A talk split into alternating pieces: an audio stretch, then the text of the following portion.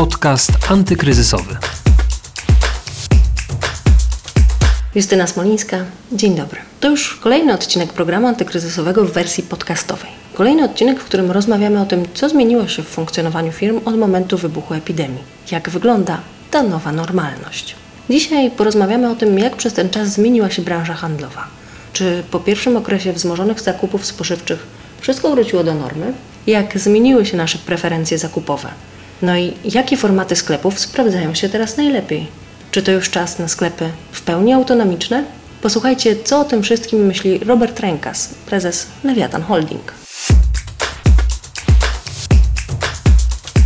COVID-19 zmienił wszystko w skali, której do tej pory praktycznie w ogóle była trudna do przewidzenia jeszcze kilka miesięcy temu. I również to dotyczy naszej firmy. W ostatnich miesiącach branża handlowa stanęła przed nieznanymi do tej pory wyzwaniami. Oczywiście na początku pełna mobilizacja wszystkich i, i, tak naprawdę staraliśmy się tutaj zapewnić w możliwie natychmiastowy sposób przede wszystkim bezpieczeństwo zarówno naszych pracowników, jak i naszych sklepów, ale również naszych konsumentów. To było wyzwanie, które było przed nami najważniejsze w tym czasie, zresztą nie tylko początkowym, ale też obecnym.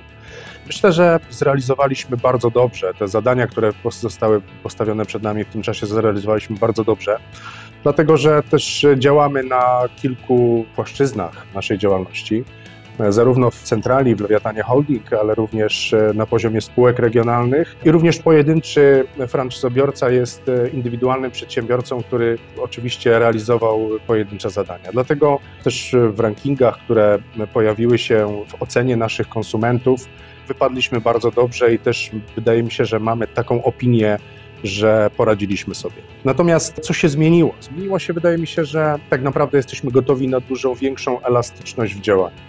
Oczywiście COVID e, w jakiś sposób e, uwidocznił pewną sztywność działania do tej pory wielu organizacji.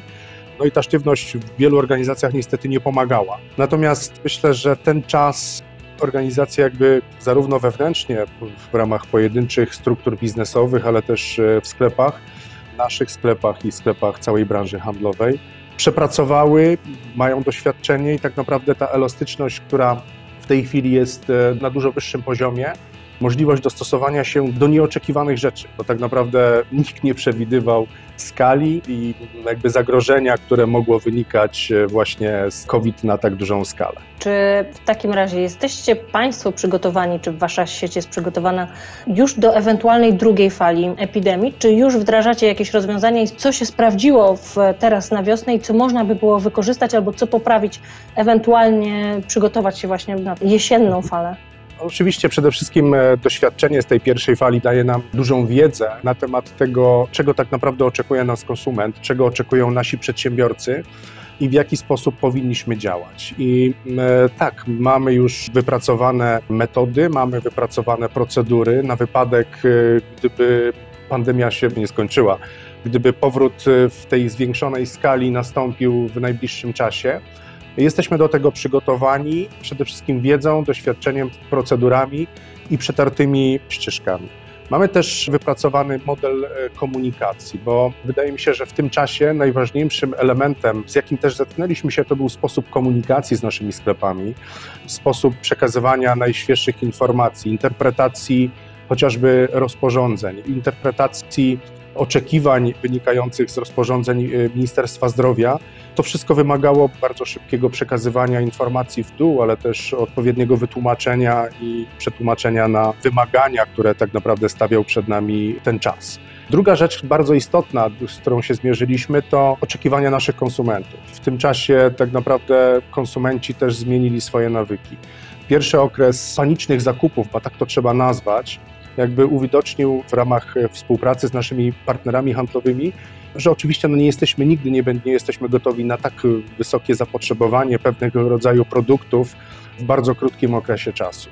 Też zerwanie łańcucha dostaw u niektórych producentów, oczywiście związane z, z, globalizacją zakupów, e, z eksportem, który w tym czasie, że tak powiem, nie funkcjonował albo funkcjonował w ograniczonym zakresie. To jakby spowodowało to, że w naszych sklepach przez jakiś czas tak naprawdę mieliśmy braki podstawowych produktów. Na szczęście był to bardzo chwilowy czas. Później to wszystko jakby wróciło do normy Natomiast e, na dzisiaj tak naprawdę jesteśmy też przygotowani do organizacji bezpieczeństwa naszych sklepów na wysokim poziomie. Jesteśmy też e, przygotowani do tego, jeżeli nasz konsument będzie oczekiwał zakupów online, to mamy przygotowaną platformę do sprzedaży internetowej, bo w tym czasie jakby to zapotrzebowanie było bardzo wysokie, bardzo duże. Kiedy sytuacja troszeczkę się unormowała, zapotrzebowanie na sklepy internetowe spadło, natomiast my jesteśmy gotowi dzisiaj z rozwiązaniem, które zabezpieczy zakup y, internetowy dla naszych sklepów. No właśnie, już trochę powiedział Pan, Panie Prezesie, o tych nawykach i preferencjach klientów. Co w takim razie w czasie tego kryzysu sprzedawało się najlepiej? Jak zmieniły się te preferencje zakupowe klientów waszych sklepów? Ten pierwszy okres tych panicznych zakupów, czyli w momencie, kiedy było przygotowanie do kompletnego lockdownu, no to oczywiście produkty pierwszej potrzeby, też oczywiście środki higieniczne, to były te produkty, które znikały w najszybszym czasie spółek, no one też w jakiś sposób zerwały łańcuchy dostaw. Natomiast e, myślę, że w aspekcie bieżącej sytuacji, to co się zmieniło w zachowaniach konsumentów, od dawna mówiło się o tak zwanym customer experience, o doświadczeniu zakupowym klienta. Z tym, że to doświadczenie zakupowe klienta w tej chwili ma nowy wymiar, bo ono jest jakby realizowane poprzez pryzmat bezpieczeństwa naszych klientów, bezpieczeństwa i dbałości o zdrowie. W związku z tym te preferencje naszych konsumentów zmieniły się może nie tyle diametralnie, ale ten okres jakby jak w soczewce uwypuklił pewne trendy, które już gdzieś tam tliły się albo były nie na tyle silne, ale w tej chwili bardzo mocno zostały uwypuklone. Właśnie e, preferencje produktów lokalnych, które są synonimem produktów zdrowych, nisko przetworzonych, krótkiego łańcucha dostaw, a za tym idzie właśnie ta świadomość zaufania, bezpieczeństwa do produktów czy chociażby oczywiście produkty zdrowe, produkty bio, produkty nisko przetworzone. To są zachowania konsumentów naszych, które w tej chwili dość mocno widzimy w naszych sklepach i produkty, na które stawia nasz konsument. Wydaje się, panie prezesie, że sklepy spożywcze mniej ucierpiały podczas tego kryzysu, podczas tego lockdownu, ale jakie są pana obserwacje? Jak ta obecna sytuacja wpłynęła na sprzedaż w sklepach należących do waszej sieci? Mogłoby się wydawać, tak, oczywiście, że tak naprawdę w czasie, kiedy było największe zagrożenie, tak naprawdę realizowaliśmy pewną misję, misję zabezpieczenia produktów spożywczych dla naszych konsumentów. Myślę, że obok e, służby zdrowia to była jedna z ważniejszych misji, jaką realizowaliśmy dla rynku, dla konsumentów, dla ludności. Oczywiście nie było to łatwe, dlatego że to był czas, kiedy każdy obawiał się o swoje zdrowie, o swoje bezpieczeństwo, kiedy ten COVID niósł za sobą narastające informacje o kolejnych zarażeniach i kolejnych zgonach. No i dla nas najważniejszym na tym etapie było oczywiście zabezpieczenie bezpieczeństwa dla naszych y, pracowników i dla naszych y, konsumentów. To był czas, kiedy poprzez ograniczenia legislacyjne też nasze sklepy, szczególnie duże, straciły obroty. Po tym czasie wykształcił się pewien y, kolejny trend zakupowy naszych klientów, w zasadzie trend konsumencki, który można określić, że klienci rzadziej odwiedzają sklepy. Tak naprawdę ta częstotliwość odwiedzin y, sklepów spadła. To jest też również aspekt bezpieczeństwa i ilość transakcji y, w sklepach spożywczych spadła. Oczywiście kosztem wartości koszyka, który jest realizowany przy okazji zakupu. Natomiast e, po tym pierwszym okresie e, panicznych zakupów i wysokich wzrostów sprzedaży, po kolejnym okresie lockdownu i takiego spadku sprzedaży, notujemy w tej chwili pewną stabilizację. Natomiast e, wszyscy myślę, że mamy świadomość, że rynek jest jednym wielkim naczyniem połączonym, w związku z tym wizja czy widmo recesji, czy widmo bezrobocia, utraty pracy, czy chociażby spadających e, obrotów, czy racjonalizacji zakupów, bo też taki trend się w tej chwili wykształcił, racjonalizacji zakupów, na pewno przełoży się długofalowo na prawdopodobnie na spadek albo na malejące obroty. Kolejnym takim elementem, który tu jeszcze bym chciał poruszyć, bo, bo nie tylko obroty są y, jakby wyznacznikiem tej profitowości biznesu, to jest aspekt kosztów, y, bo przy spadających obrotach albo przy stabilnych obrotach wzrost kosztów, a tak naprawdę zabezpieczenie, to organizacja bezpieczeństwa dla klientów, to są naprawdę duże koszty, które musi ponosić pojedynczy przedsiębiorca. To jest duże zagrożenie, jeśli chodzi o rentowność e, biznesu pojedynczego, pojedynczego przedsiębiorcy. No właśnie, jakie są takie największe wyzwania, jeśli chodzi o branżę handlową teraz? Sytuacja powoli wraca do normy, natomiast myślę, że wszyscy mamy świadomość e, tego, że ta normalność jest zupełnie inna. No, chociażby poprzez nowe zwyczaje konsumenckie, poprzez nowe trendy, które się wykształciły na rynku. W związku z tym, e, tak naprawdę, te wyzwania, e, które stoją przed naszą branżą, to jest ta elastyczność, o której powiedziałem, to jest dopasowanie i to jest e, naprawdę, myślę, że wiele firm, e, tak naprawdę, które tworzyło strategie długofalowe, długoterminowe, w tej chwili mocno je weryfikują, dlatego że no właśnie te zmiany, które nastąpiły na rynku, dość mocno też zweryfikowały strategię. Na szczęście nasza strategia jest dość spójna z oczekiwaniami w tej chwili naszych konsumentów, w związku z tym My nie zmieniliśmy swojej strategii, ale troszeczkę nadaliśmy inne priorytety w ramach tej strategii, albo inny nacisk, inny ton na niektóre z tych elementów. Natomiast wydaje mi się, że takim wyzwaniem właśnie to jest e, budowanie takich strategii elastycznych, tak, strategii, które no, muszą mieć w sobie element przewidywalności tego nieprzewidywanego, jak, że tak powiem, historia pokazała e, z marca tego roku. To jest na pewno jeden z elementów. Drugi z elementów to jest budowanie rentowności. Rynek to są naczynia połączone.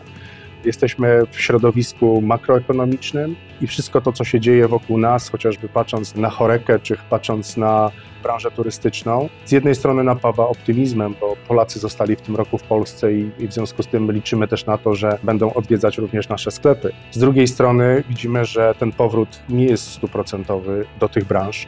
W związku z tym e, trzeba się liczyć z tym, że tych pieniędzy i ta racjonalność zakupów będzie e, mniej w rynku wydawana a co za tym idzie, przy wzrastających kosztach prowadzenia biznesu, istnieje duże ryzyko, że niektórzy po prostu tej rentowności nie uzyskają.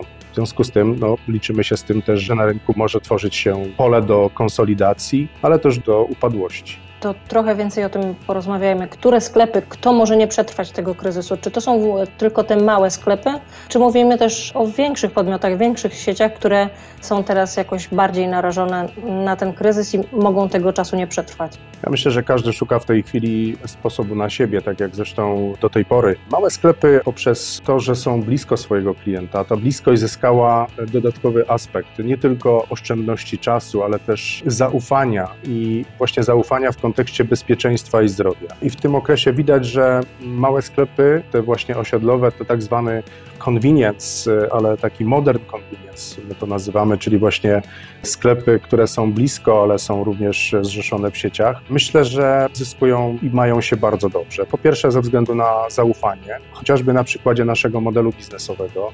Mogę powiedzieć, że po pierwsze nasz konsument ma nie tylko zaufanie do swojego sklepu, nie tylko zaufanie do produktów, które ten sklep oferuje, ale również zaufanie do przedsiębiorcy, który go prowadzi. W związku z tym te relacje są naprawdę ważne, a autentyczność w tych relacjach e, kluczowa bo też niektóre sieci próbują w jakiś sposób e, jakby grać e, słowami, natomiast tak naprawdę autentyczności w tym nie ma zbyt wiele. Drugi aspekt to jest właśnie ten aspekt rentowności. Ja myślę, że jakby też e, ta cała sytuacja uwypukliła siłę bycia razem. Jesteśmy siecią ogólnopolską o lokalnym charakterze, zrzeszamy 2100 przedsiębiorców, 3200 sklepów w ramach sieci.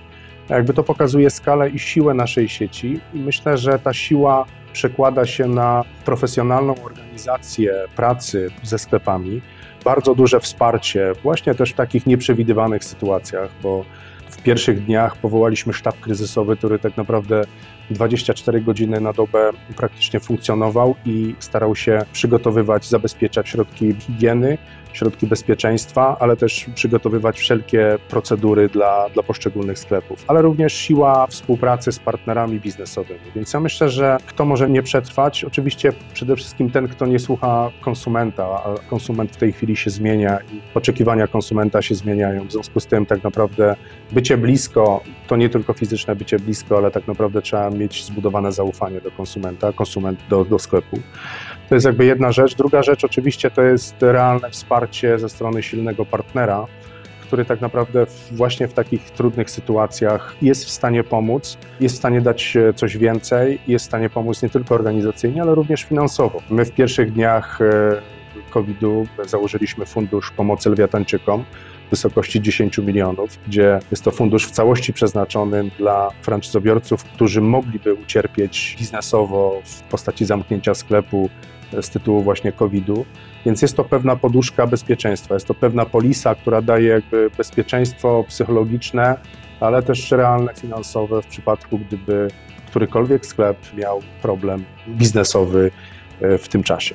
Mówił Pan e, dużo, Panie Prezesie, dzisiaj o bezpieczeństwie, więc e, jakie formaty sklepów teraz się lepiej czy najlepiej sprawdzają? Mówimy o tym, że te sklepy, które są blisko, czyli te sklepy lokalne, ale czy jest sens na przykład otwierać e, sklepy takie samoobsługowe, typowo samoobsługowe, czyli na przykład z samoobsługowymi kasami? Sklepy, gdzie ten kontakt z drugim człowiekiem jest jak najmniejszy. Czy to jest taki format sklepów, który teraz sprawdza się najlepiej i na przykład warto to rozwijać? W lutym e, otworzyliśmy jeden z takich sklepów w Krakowie. To jest właśnie typowo sklep autonomiczny, oparty o maszyny vendingowe. I powiem szczerze, że w tym czasie pandemii sprawdził się znakomicie. Chociaż czy społeczeństwo dzisiaj jest gotowe na tego typu sklepy?